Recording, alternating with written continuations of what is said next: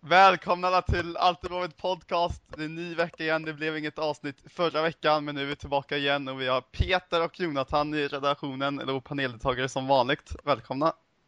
Tackar, tackar. Tackar, tackar. Vad har ni haft för er i veckan? Ja, eh, jag har eh, varit tråkig och eh, jobbat som eh, vanligt, eller på att säga. Eh, ja, det är väl enda jag har gjort i stort sett.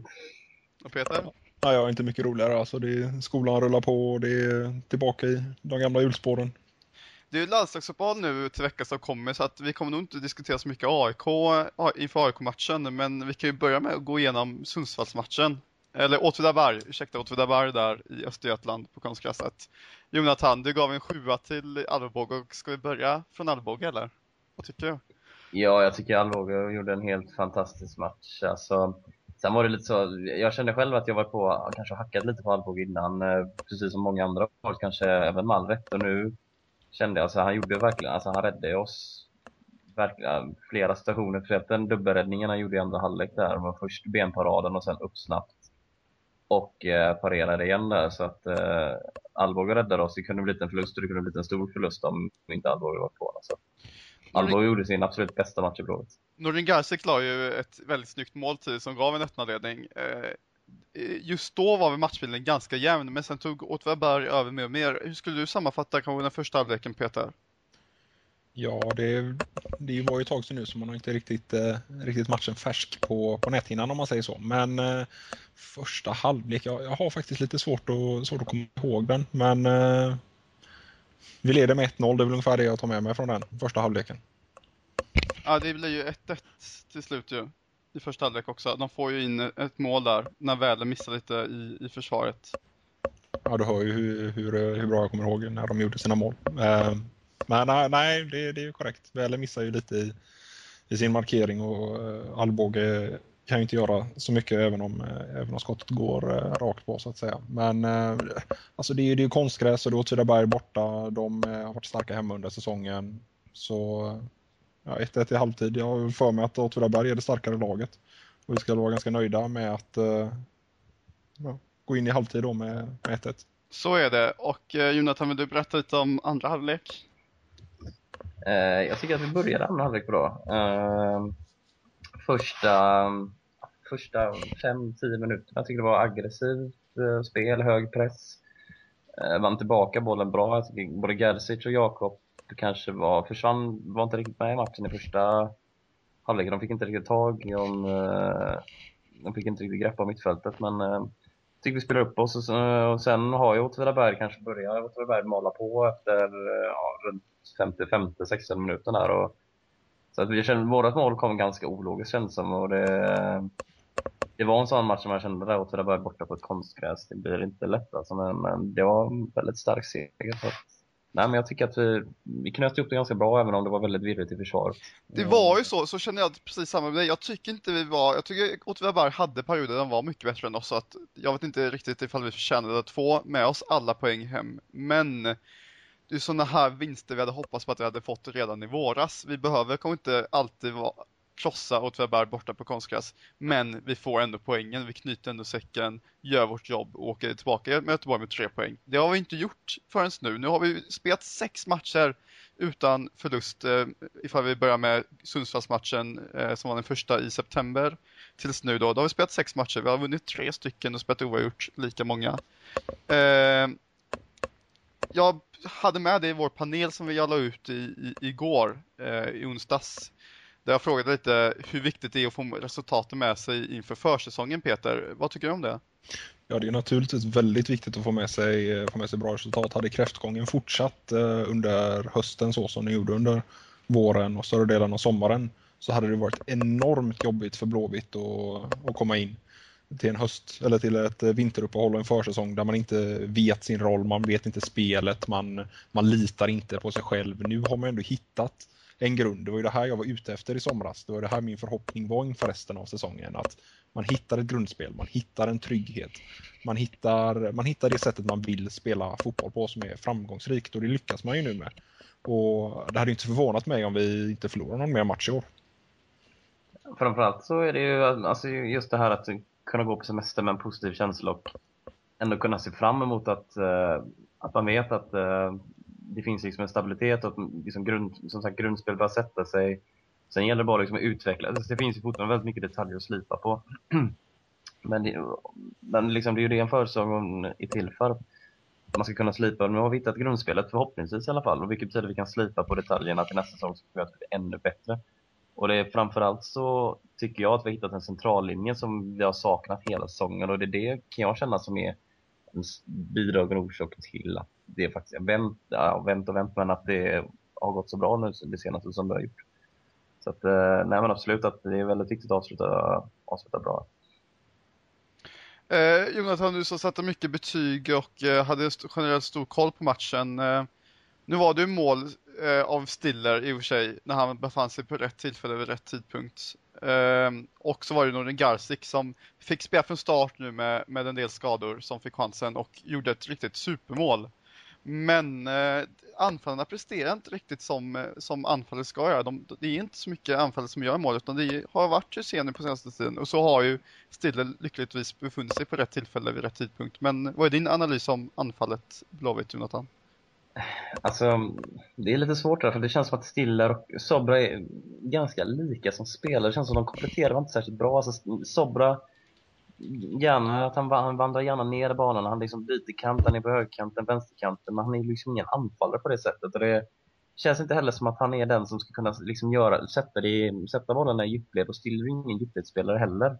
Medan Stiller är som han är. Liksom. Alltså, jag vet inte om jag såg röken av honom alltså, åt under nästan 70 minuter och sen bara dyker han upp och promenerar in bollen. Så att, det känns som att, på något sätt så känns det som att det hade kompletterats bättre med en djupledsspelare som kanske till exempel DMK bredvid Stiller än vad Sobralense gör. Som, I och med att då kanske DMK kan dra upp lite mer ytor med sina, med sina djupledslöpningar och därmed ge Stiller ännu mer ytor. Så jag känner att det har liksom inte klickat riktigt mellan Sobralense och Stiller.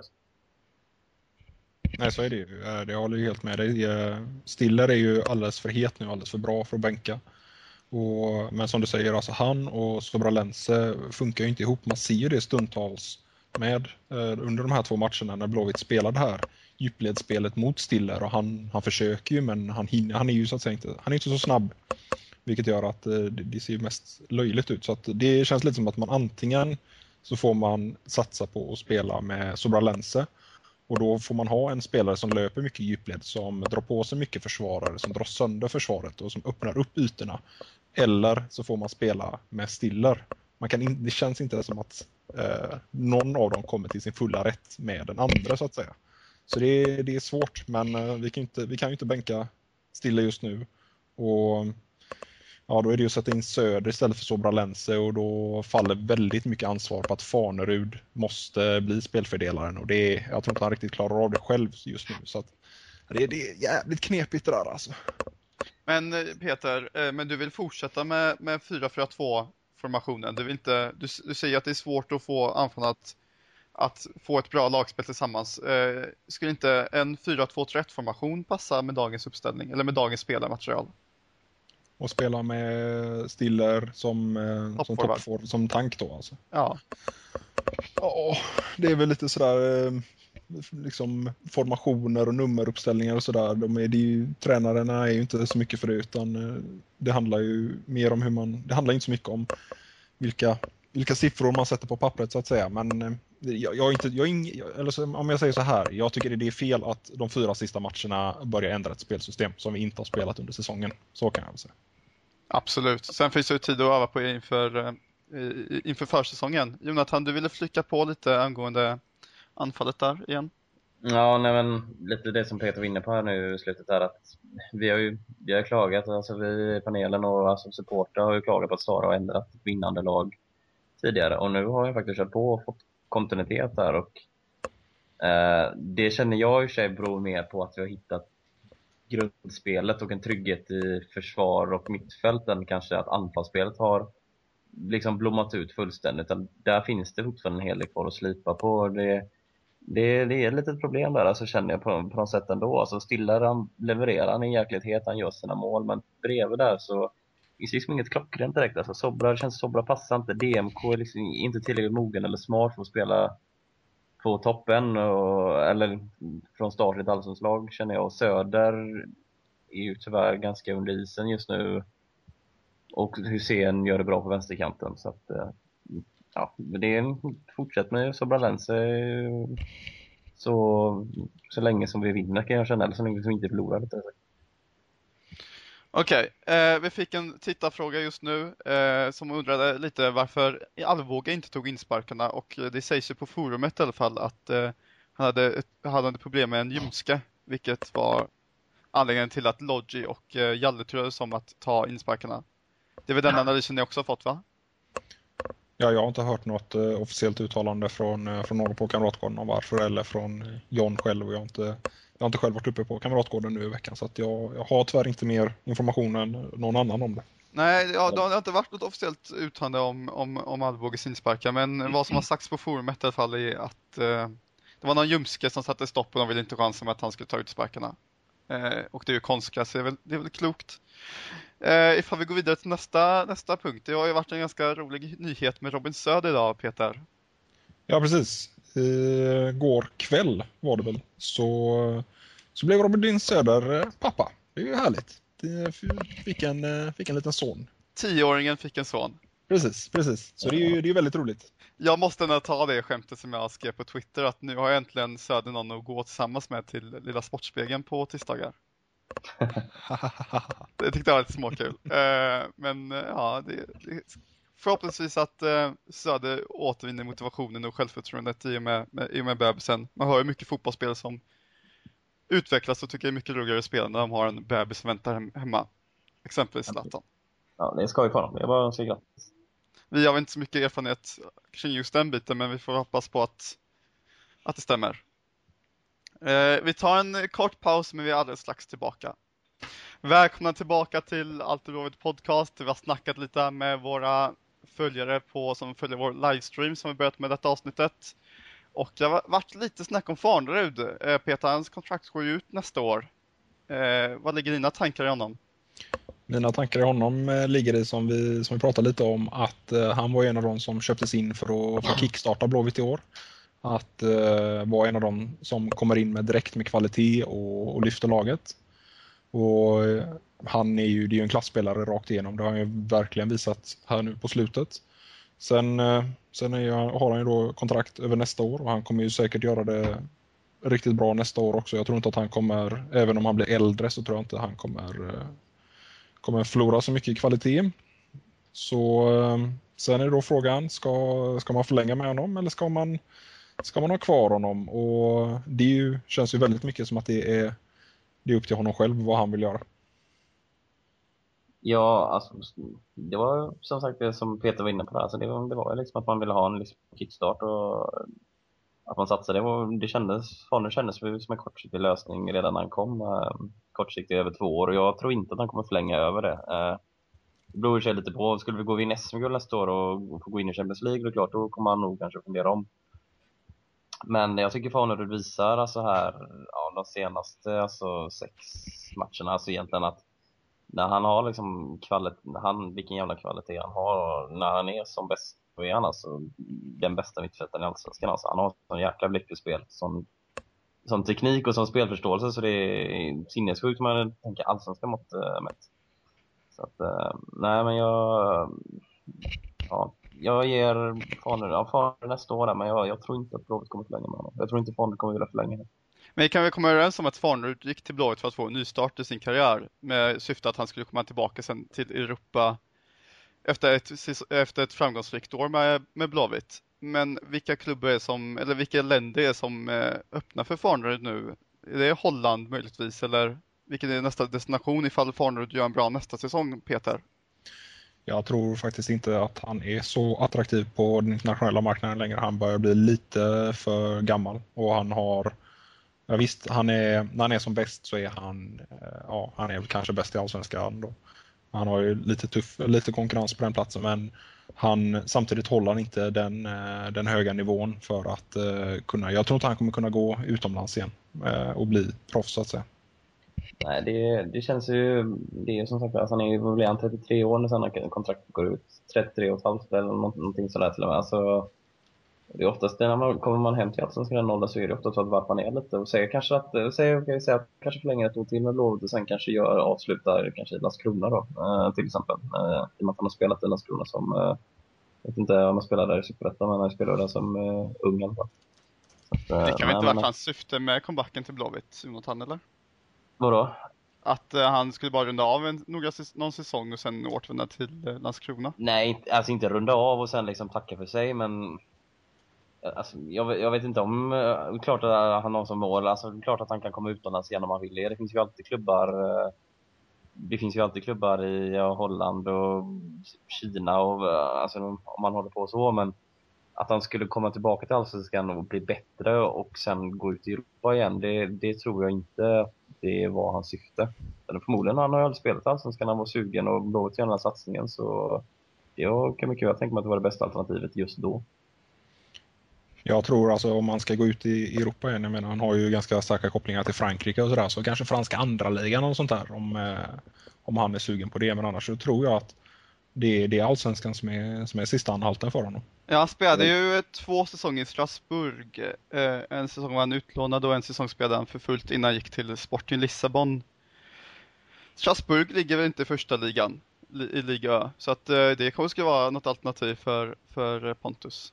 Ja, men jag har jag hört också, någon, jag läste någonstans att eh, han och familjen har för plan att bosätta sig i Frankrike eh, efter karriären. Så det är mycket möjligt att han kanske då rundar av där och som sagt är någon lite, kanske lite lägre division i han har ju spelat sju eh, säsonger för eh, Monaco. Men det är väl inte så jättestor chans att han får, får, eh, får plats i, i Monacos lag för de storsatsar ju nu. De har väl Ranieri som, som coachar för mig. Eh, men eh, Bayrami håller ju klassen så varför inte eh, Farnerud. Ska vi, eh, vi lämnar Farnerud tycker jag. Och så ska vi, kan vi väl återvända till något eh, ämne som eh, Peter, du ville att vi skulle ta upp lite drömvarvningar i vinter. Ja, så det kanske jag ville. Ja, eftersom nej. du ville ta upp den poängen, så, eller punkten, så tycker jag att du ska inleda med vilka du vill se Blåvitt i vinter. Ja, jag, jag, innan du tar över ordet så kan jag säga att uh, Henning Bruno har tagit upp, gjort en uh, ett litet reportage om Robin Simovic, heter han väl, från Ängelholm. Vad tycker du om honom? Eh, jag kan ju ärligt säga att jag har inte sett honom spela en enda minut så att uh, mina, mina analyser och åsikter i den frågan är inte värda att ta upp här kan man väl säga. Jag är lite nyfiken på var med Robin Simovic har kommit från. Alltså, alltså det verkar ju som att han är i stort sett klar och folk snackar om att till höger och vänster. Jag kan säga att jag inte heller sett honom jag vet att han är stor, stor och tung och gjort en del mål, men jag kan säga att jag inte heller sett en enda minut av honom. Liksom. För Ängelholm är inte min prioritet när jag sätter, slår på tvn och kollar in en Ängelholm-match i Superettan. Inte? Nej, faktiskt inte.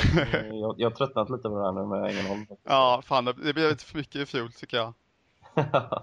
Peter, ja. In, ingen Robin, men eh, Nej, alltså jag är, alltså det är mycket möjligt att Robin är den perfekta spelaren att köpa in, men jag kan inte sitta här utan att ha sett honom och säga hur han kommer att passa in i vårt spel. Men det handlar väl mer om att han har, han har gjort jävligt bra i Superettan, har dunkat in massa mål. Han är stor och tung och att ha en, den typen av spelare saknar vi. Vi har ju Stiller, men han kommer inte direkt bli bättre. Så då, det är ju spelartyp vi saknar så att säga, det är därför naturligtvis det snackas om honom. Men jag är ju mer alltså till nästa säsong inne på det så behöver vi då, alltså drömvärvningen i min värld är Oscar Wendt. Eh, att man kan lösa honom på något sätt. Då har vi en väldigt, väldigt stark backlinje. Sen är alltså anfallsmässigt är det, är det svårt. Vi behöver, eh, det här resonemanget har jag fört eh, tidigare gånger, men alltså vi behöver ju en person som kan göra 15-20 mål på en säsong. Och jag tror inte Tobias Hysén är den personen längre.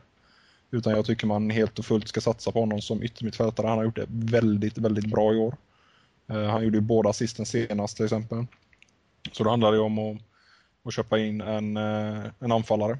Och Sen är då frågan, vi har, alltså det känns som vi saknas på så många positioner just nu. Samtidigt som vi har, eh, det känns som vi har väldigt mycket centrala spelare och väldigt få, få ytterspelare. Vi har eh, nästan inga yttermittfältare känns det som. Speciellt inte om vi gör så med Sella. Så då, ehm, ja, det är många spelare som jag, många spelarpositioner man skulle vilja köpa in. Jag kan ju berätta lite om Robin Simovic för er som inte vet om det. Han spelar alltså för Ängelholm. Eh, hur många mål han har gjort har jag inte jättestor koll på tyvärr. Men eh, han är 91 född i maj. Eh, 21 år, det vill säga eh, spelar för Ängelholm. Hans kontrakt skjuts nästa år. Eh, och det är väldigt, har varit ganska mycket snack på vårt forum i alla fall om att eh, han ska vara en intressant spelartyp eh, för Blåvitt. Och eh, enligt eh, uppgifter så, så har han eh, fått intresse från några allsvenska klubbar. Eh, däribland kan det vara IFK. Jag kan Men- säga att han har gjort eh, Ja. 15 mål i år. Han har gjort 15 mål i år och det är väldigt imponerande. Eh, så det är absolut ett alternativ. Annan forward som skulle vara aktuell, det vet vi kommer inte så mycket om. Håkan Mild har säkert kontakter med Ulle Sultan om, om scoutade anfallare, men eh, det ska vara en target player då, Peter. Ja, det beror ju, det beror ju lite på hur man, hur man vill spela, men, eh, men säg då att eh, vi har två, två snabba yttrar, Tobbe, och säger då att Bärkroth eh, eh, blir eh, spelaren som växer ut och kan ta en högerytterroll. Då har vi två, då har vi två spelare som kan hota djupled. Då behöver vi någon som är stor och stark och kan eh, ta alla inlägg som kommer komma. Och om då Jakob kan eh, eh fylla på i boxen, behöver vi fortfarande en stor och tung spelare. Sobralense är inte dålig på huvudet, absolut inte. Eh, Men då behöver vi någon som verkligen eh, kan nicka. Och då kan man även, alltså med en stor och tung spelare, då kan vi få, få ut mycket mer av till exempel Moberg Karlsson. Som eh, kan gå på, gå på skarvar och gå i ytor som öppnas och sådär. Så att eh, absolut en, en stor tung spelare är ju någonting vi saknar så att säga. Eh, Vi har väldigt många små snabba spelare. Så att eh, visst, absolut, stor och tung. Jag ser här i chatten Marcus Berg, ja det hade ju varit eh, en spelare av hans kaliber hade ju varit eh, ganska bra om man säger så. Absolut. Hur mycket, hur mycket speltid har han fått egentligen för Hamburg? Han har ju inte spelat någonting i, i år, va? Jag tror Nej. han är bänkad, men å andra sidan bänkad. lyfte han en, må- en, lyfte han en årslön på runt 18 miljoner tror jag. Så att, eh, Den är ju inte helt fel. Den hade jag tagit till Hamburg. Alla dagar i det känns som att vi nog kan lägga Marcus Berg åt sidan i ett antal år framöver faktiskt. Ja, jag tror också det. Känns väl lite så faktiskt. Han, han, han har inte uttalat sig någonting om Blåvitt vad jag vet och det har aldrig känts att, som att han har varit nära att eh, komma tillbaka till Blåvitt eh, på något sätt. Eh, det är ju då anfallare och en vänsterback som många vill se som prioritet, även en mitt, mittback. Eh, jag har snackat anfallare, ska vi gå vidare lite på mittback, vänsterback, Jonathan? Um, det, det där är, beror ju lite, kan jag känna, om Dyrestams vara eller icke vara. Uh, jag vill väldigt gärna se Dyrestam som central försvarare ihop med Bjärsmyr nästa säsong, om man bara kan få ordning på hans jäkla lår. eh, så att han kan hålla sig skadefri. Och då har vi kanske uppbackning av Kjetil, om, även om jag är tveksam till om Kjetil faktiskt kommer fortsätta i IFK nästa säsong. Det, jag tror faktiskt inte att han kommer göra det. Eh, då behöver vi täcka upp där, känns som. Eh, kanske med en backup-spelare in, in i mitten. Och sen vänster, alltså klart, Oskar Wendt har ju varit den absoluta drömmen, men jag tror inte att det är möjligt. Däremot så mycket väl kanske Kari Arkivo från Häcken. Jag hörde faktiskt ett rykte om, eh, om honom till Blåvitt, eller att allsvenska klubbar var rykte i honom. Och även då sen också Erdin Demir i, i Molde tror jag han spelar va? Eh, som det var lite snack om inför eh, denna säsongen då när han eh, lämnar Trelleborg.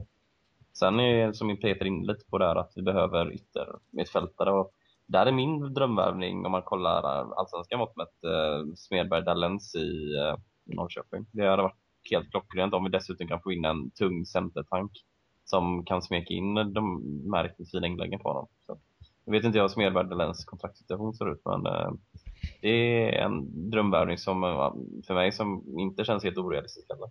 Jag kollar Martin Smedberg ifall eh, Peter kan eh, lyfta ordet.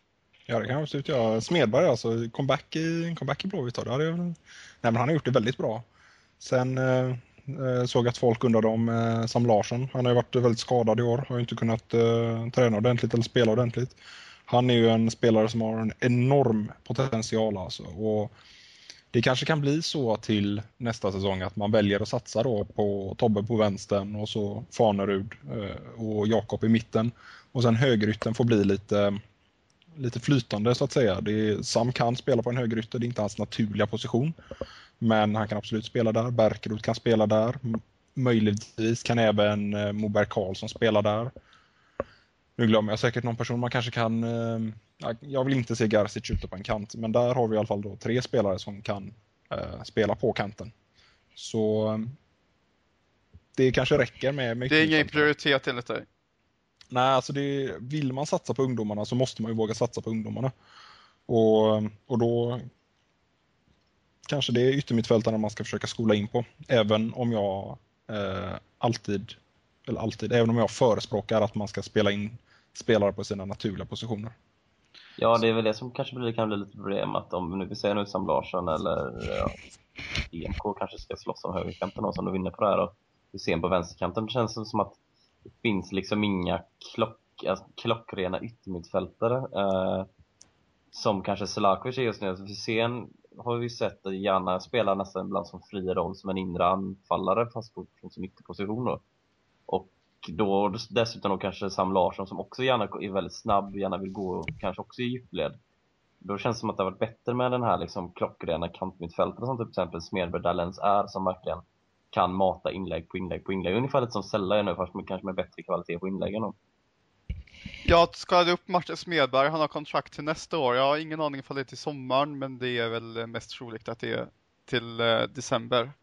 Ja, så att, uh, han kan vi kanske få för en, en peng ifall han är intresserad. Men uh, frågan är ju först ifall han kan få en startposition och därefter ifall det är en, en prioritet varva. Det kan man ju alltid diskutera. Mittback då Peter? Är det någonting vi ska satsa på eller är det vänsterback och, och forwards enbart? Eh, I första hand är det en vänsterback eh, och i andra hand, eller ja, det kanske är i första hand en forward, i andra hand en vänsterback. Eh, mittbackar är jag inte lika, lika benägen att värva.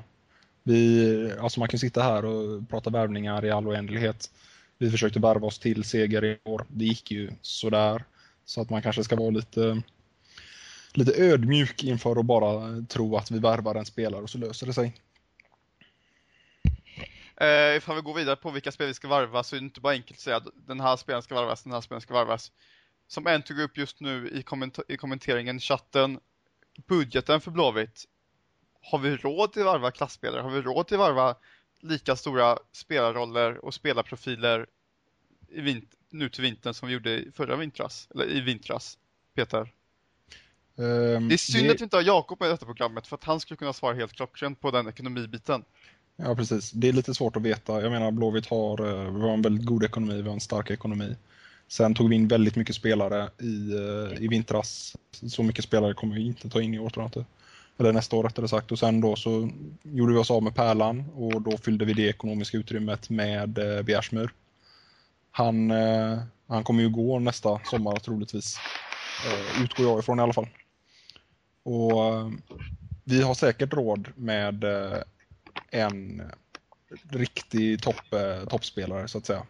Och sen har vi nog råd med en lite mindre. I och med då att, jag menar Sella sitter inte på några billiga pengar. Jag tror inte Hjalmar heller gör det.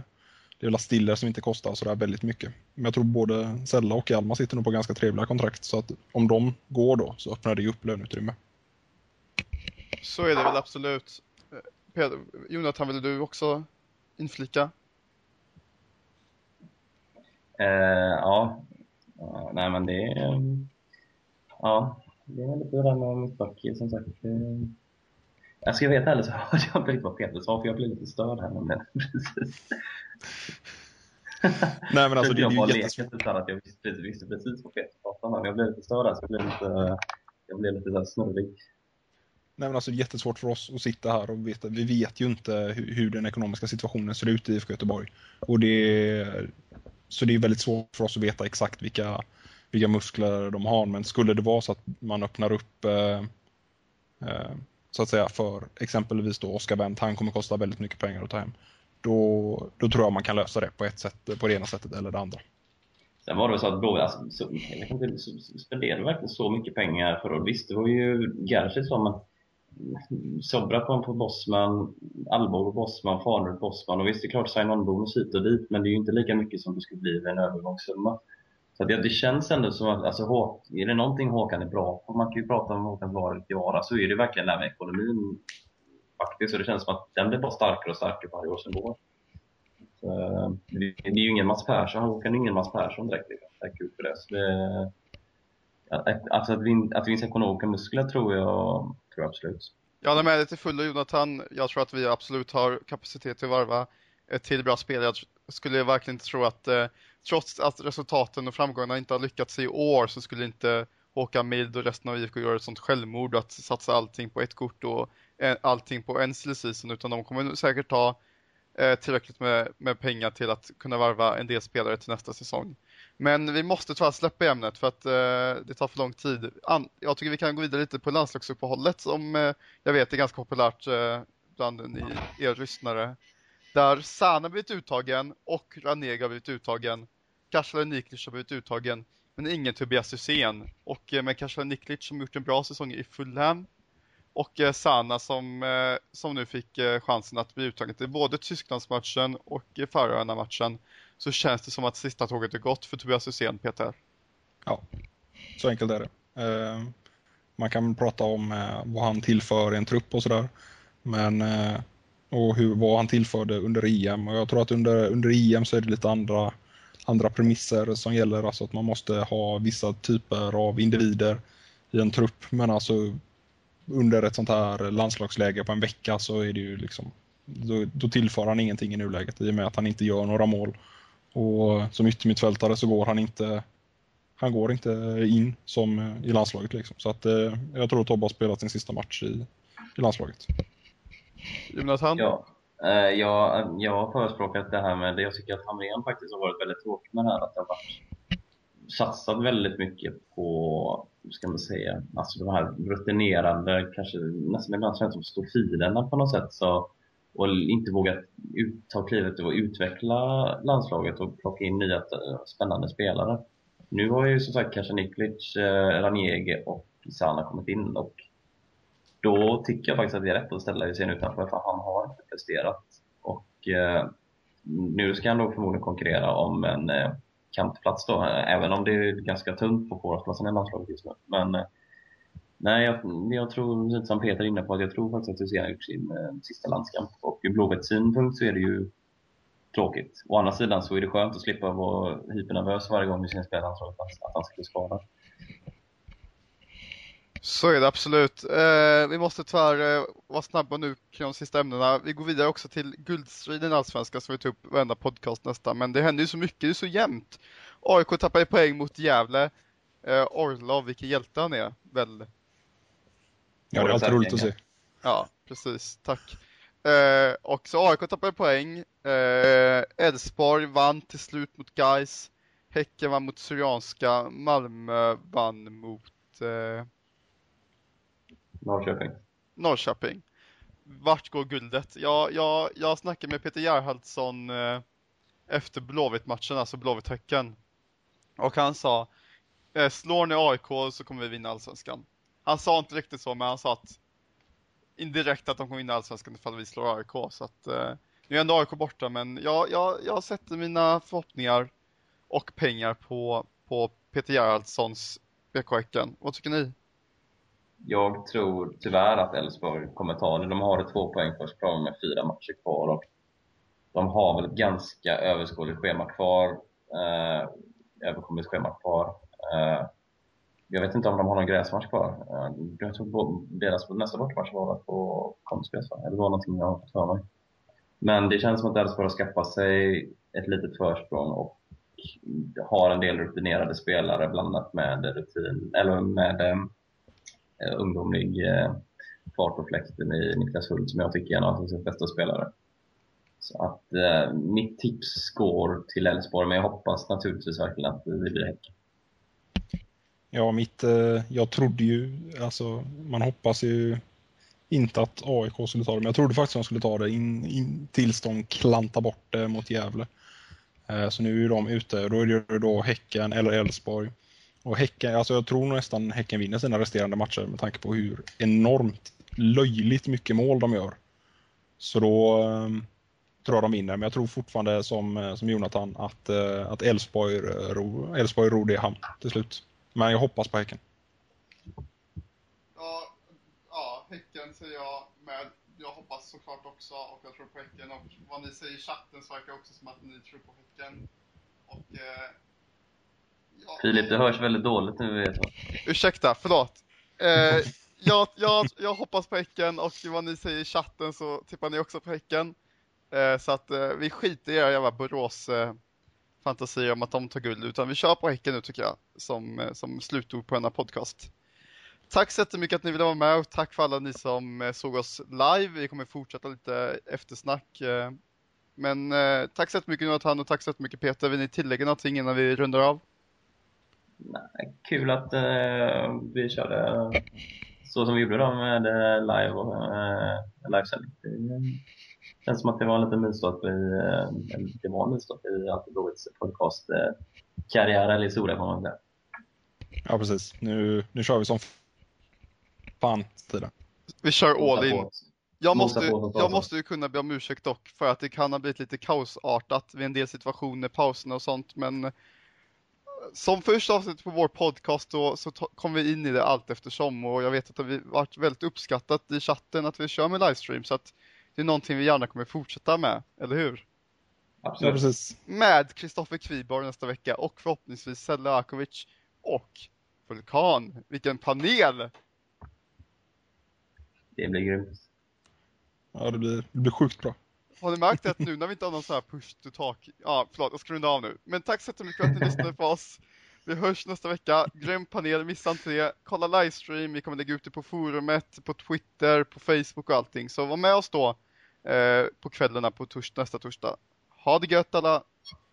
Ha det gött. Ha det gott.